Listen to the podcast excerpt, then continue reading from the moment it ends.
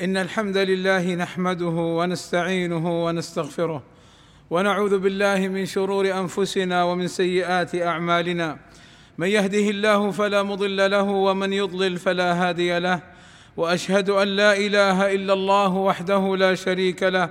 وأشهد أن محمدا عبده ورسوله. ألا وإن أصدق الكلام كلام الله. وخير الهدى هدى محمد صلى الله عليه وسلم.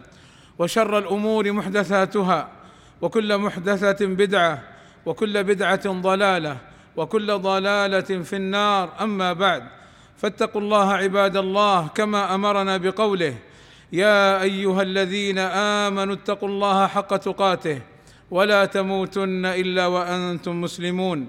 عباد الله إن جائحة كورونا أوضحت لنا من يتمسك بقوله تعالى يا أيها الذين آمنوا أطيعوا الله وأطيعوا الرسول وأولي الأمر منكم.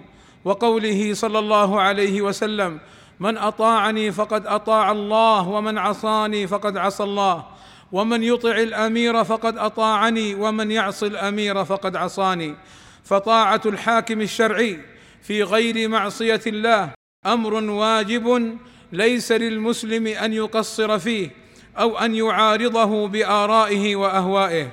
وليس للمسلم أن يسمع لأصوات أناس مجهولين في المجتمع أو ليس لهم الأمر ممن يهون من أمر الاحترازات من جائحة كورونا.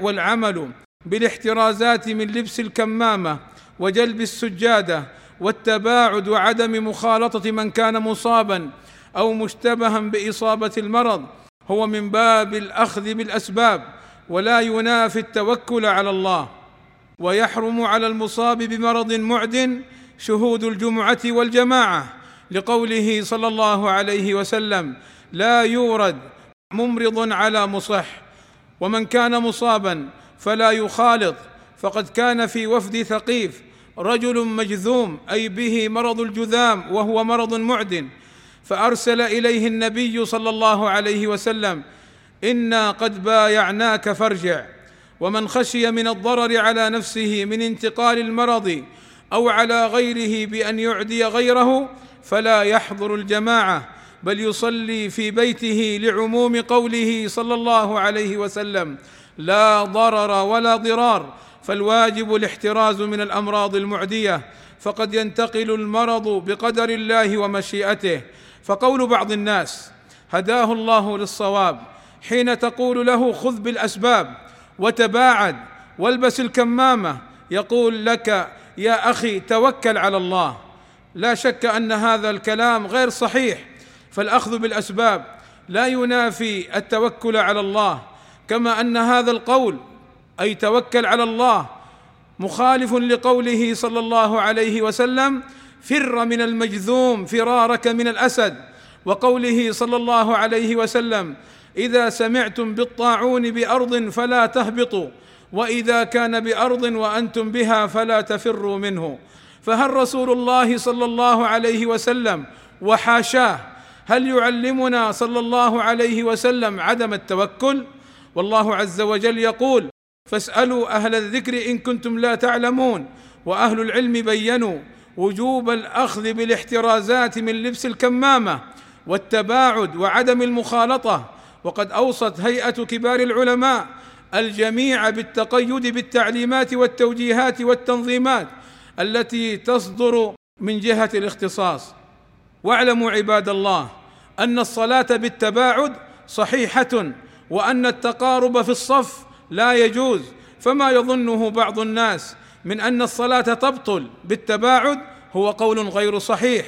وما يظنه بعض الناس من أن الصلاة بالتباعد ناقصة الأجر هو قول غير صحيح. بل من يصلي بالتقارب مع جائحة كورونا قد يأثم. لمخالفته للأوامر الشرعية الدالة على وجوب السمع والطاعة لولاة الأمر ولما فيه من تعريض نفسه وغيره للوباء والأمراض الفتاكة. أسأل الله أن يوفقني وإياكم لما يحبه ويرضاه وأن يغفر لنا الذنوب والآثام. إنه سميع مجيب الدعاء. الحمد لله رب العالمين والصلاة والسلام على المبعوث رحمة للعالمين وعلى آله وصحبه أجمعين عباد الله. من الاحترازات أخذ اللقاح الأول والثاني والجرعة الثالثة التنشيطية. وهذا أيضا داخل في الأخذ بالأسباب. وهذه اللقاحات تمت بعد دراسات مستفيضة متخصصة أنها دواء وعلاج بإذن الله تعالى لهذا الوباء والمرض. فقول بعض الناس لا تاخذوا اللقاح أو لا فائدة منه هو قول غير صحيح وصادر من مجهولين أو غير متخصصين أو أناس يريدون الشر بالمجتمع المسلم. فتوكلوا على الله وخذوا اللقاح فاخذ اللقاح هو عمل بالأسباب وعمل بأمر الله لنا بطاعة ولي الأمر. واحذروا عباد الله من الأخبار المكذوبة التي يراد بها تخويف الناس وتشكيكهم في ولاة أمرهم. فالواجب على الرعية أن تأخذ معلوماتها من مصادرها الموثوقة في الدولة والحذر من الإشاعات المغرضة ولا تلتفتوا لدموع التماسيح ولصرخات الذئاب والثعالب التي تزعم أنها تخاف عليك من اللقاح وأن كورونا مؤامرة ومكيدة ولا صحة لها. فهؤلاء لا عقول لهم ولا دليل عندهم بل كلامهم قائم على الكذب والجهل والضلال. واعلموا عباد الله أن المملكة العربية السعودية قد بذلت كل ما في وسعها لتوفير سبل الراحة والاطمئنان والصحة ونشرت الأخبار الصحيحة وهي حريصة على شعبها وعلى المقيمين عليها كحرصها على نفسها. جزاهم الله خيرا. عباد الله إن الله وملائكته يصلون على النبي. يا أيها الذين آمنوا صلوا عليه وسلموا تسليما. اللهم صل على محمد وأزواجه وذريته كما صليت على آل إبراهيم وبارك على محمد وأزواجه وذريته كما باركت على آل إبراهيم إنك حميد مجيد. وارض اللهم عن الخلفاء الراشدين أبي بكر وعمر وعثمان وعلي وعن جميع أصحاب النبي صلى الله عليه وسلم وعنا معهم بمنك وكرمك. اللهم آتنا في الدنيا حسنة وفي الآخرة حسنة وقنا عذاب النار. اللهم فرج همومنا واكشف كروبنا ويسر أمورنا. اللهم اغفر للمسلمين والمسلمات والمؤمنين والمؤمنات الأحياء منهم والأموات. اللهم وفق ولي أمرنا. الملك سلمان ابن عبد العزيز لما تحبه وترضاه. وأصلح اللهم به العباد والبلاد. واحفظه اللهم من كل سوء. ووفق ولي عهده الأمير محمد بن سلمان إلى كل خير واحفظه اللهم من كل سوء. اللهم أيدهما بتأييدك ووفقهما بتوفيقك وأعز بهما الإسلام والمسلمين. وصلى الله وسلم على نبينا محمد وعلى آله وصحبه أجمعين. والحمد لله رب العالمين.